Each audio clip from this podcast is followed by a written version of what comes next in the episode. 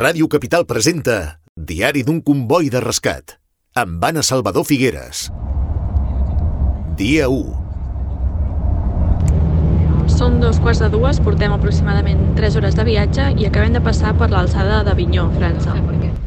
Són les 3 de la tarda i tornem a arrencar i a seguir el camí després de fer una parada per dinar a Montlaimar, França. Són les 7 de la tarda, portem unes 7 hores de viatge aproximadament i eh, estem creuant França en direcció a Dijon ara mateix. Ens queden unes 4 hores per arribar a Karlsruhe, a Alemanya, on dormirem avui. Són les 11 de la nit i després d'un dia de carretera acabem d'arribar a Karlsruhe, on dormirem i demà seguirem el viatge. Bona nit. Diari d'un comboi de rescat. Ahir va començar el viatge del comboi de rescat de refugiats d'Ucraïna que va sortir des de la Bisbal. A Ràdio Capital ens hem afegit al comboi format per una quinzena de persones de diverses entitats. La penya blaugrana de Monells, Galgo 112 i també un grup de bombers de Juneda, Lleida. Cap a les 9 del matí, les 6 furgonetes, incloses les 3 que venien des de Juneda, es van reunir a la Bisbal. El tret de sortida del viatge va ser les, al voltant de les 10 del matí, amb les furgonetes carregades de material de tot tipus per portar a Ucraïna. Productes d'higiene, cadiretes per nadons i nens, menjar, medicaments, pins superanimals o roba – tot material donat de forma solidària per gent de la Bisbal, Begú, Juneda i Santa Eulàlia de Riu Primer. D'aquesta manera, sobre les 10 del matí, començava el viatge.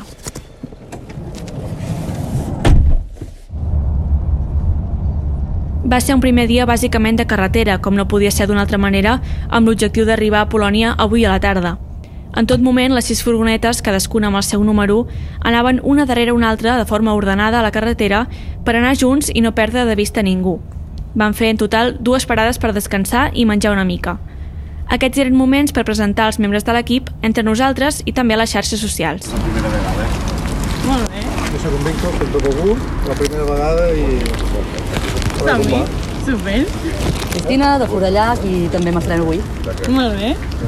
Jo sóc l'Anna, vinc com a periodista de Ràdio Capital de l'Empordà i farem una cobertura de- d'aquest viatge. Que guai.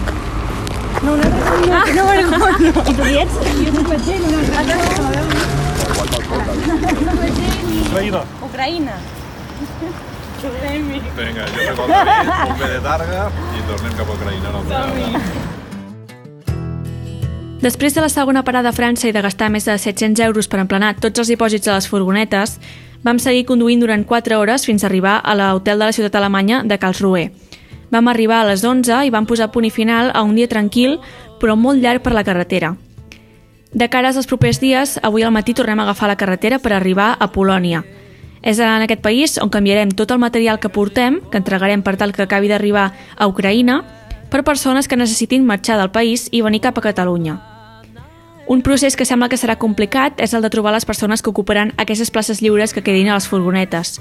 Sobretot perquè, tot i que les entitats estan en contacte amb el consulat i diferents associacions i ONGs que treballen amb els refugiats, és complicat saber quina serà la situació que ens trobarem a Polònia i com s'haurà de gestionar aquesta sortida del país amb les persones.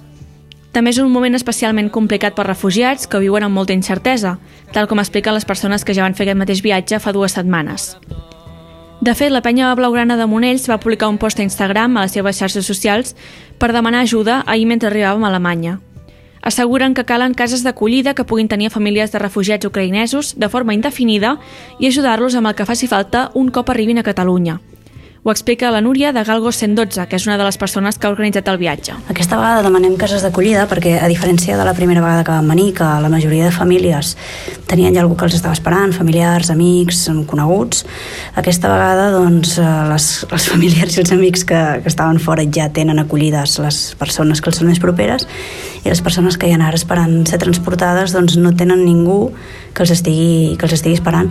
Llavors, eh, podríem dir que, que la situació és doblement traumati, traumàtica per ells, perquè per una banda han de trobar algú que els porti a un lloc segur i per l'altra banda hi ha d'haver algú al final del transport que els cuidarà i que, bé, que els hi donarà doncs, una casa, una llar i, i la tranquil·litat i la pau que necessiten després de, de que avui es compleixi precisament el primer mes de guerra. Veurem en primera persona com evoluciona també aquest tema al llarg dels dies. Sigui com sigui, nosaltres de moment avui continuem a la carretera per fer el trajecte entre Karlsruhe, Alemanya, i Polònia, on arribarem aquesta tarda. Fins aquí la primera crònica en format podcast del diari d'un comboi de rescat. Avui podeu seguir també el viatge a través de les xarxes socials de Ràdio Capital i demà us portarem la segona crònica eh, sobre el dia amb informació completa de tot el que hagi passat. Gràcies per acompanyar-nos. Una producció de Ràdio Capital de l'Empordà.